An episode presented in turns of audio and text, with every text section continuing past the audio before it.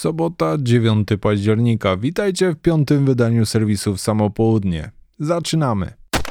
Przeróbki broni mają swoje granice. Na własnej skórze przekonała się o tym amerykańska firma Culper Precision, tworząc customowego Glocka 19 o wdzięcznej nazwie Blok, czyli klocek 19, który wyglądem do złudzenia przypominał zabawkę zbudowaną z klocków Lego. Historia, która stała się głośna za sprawą artykułu na łamach The Washington Post, wywołała zdecydowaną reakcję duńskiego potentata na rynku zabawek. Amerykańska firma otrzymała od prawników firmy Lego pismo Kiss and Desist, które jest de facto wyzwaniem do zaprzestania pewnych praktyk w określonych ramach czasowych pod groźbą wejścia na drogę sądową. Argumenty musiały być przekonujące, skoro firma Culper Precision nie tylko zgodziła się usunąć produkt ze swojej strony internetowej, ale też nie wykonywać i nie sprzedawać podobnych produktów w przyszłości. Jesteście pewnie ciekawi, jak wyglądał Klocyk 19, więc link do znalezionych w sieci zdjęć umieszczam pod odcinkiem.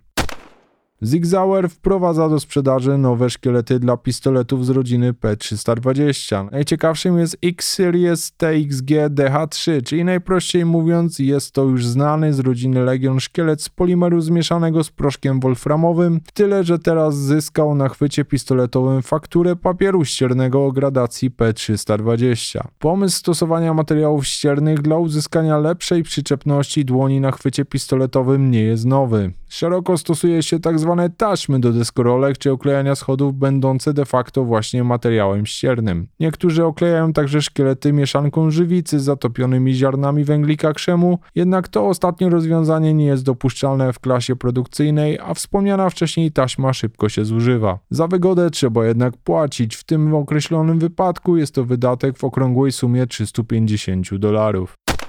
Smith Wesson jako kolejny producent wprowadza na rynek pistolet klasy subkompakt z zamkiem fabrycznie przystosowanym do montażu kolimatorów. Mowa o nowym MNP Shield Plus 3.1. W przeciwieństwie jednak do wspomnianej dwa dni temu Beretta PXA1 Carry na zamku pistoletu użytkownik będzie mógł zainstalować jedynie mikrokolimatory dzielące montaż z sterownikiem Shield RMSC. Pistolet jest także szerszy od nowej Berety ze względu na klasyczny dwurzędowy magazynek o pojemności 10 lub 14 sztuk amunicji 9 mm Parabellum. To już wszystko w dzisiejszym wydaniu. Jeżeli macie jakieś ciekawe informacje lub pytania, piszcie na adres kontakt małpa w samopołudnie.pl, oczywiście bez polskich znaków. Mail umieszczam także w opisie pod filmem. Miłego weekendu i do usłyszenia jutro.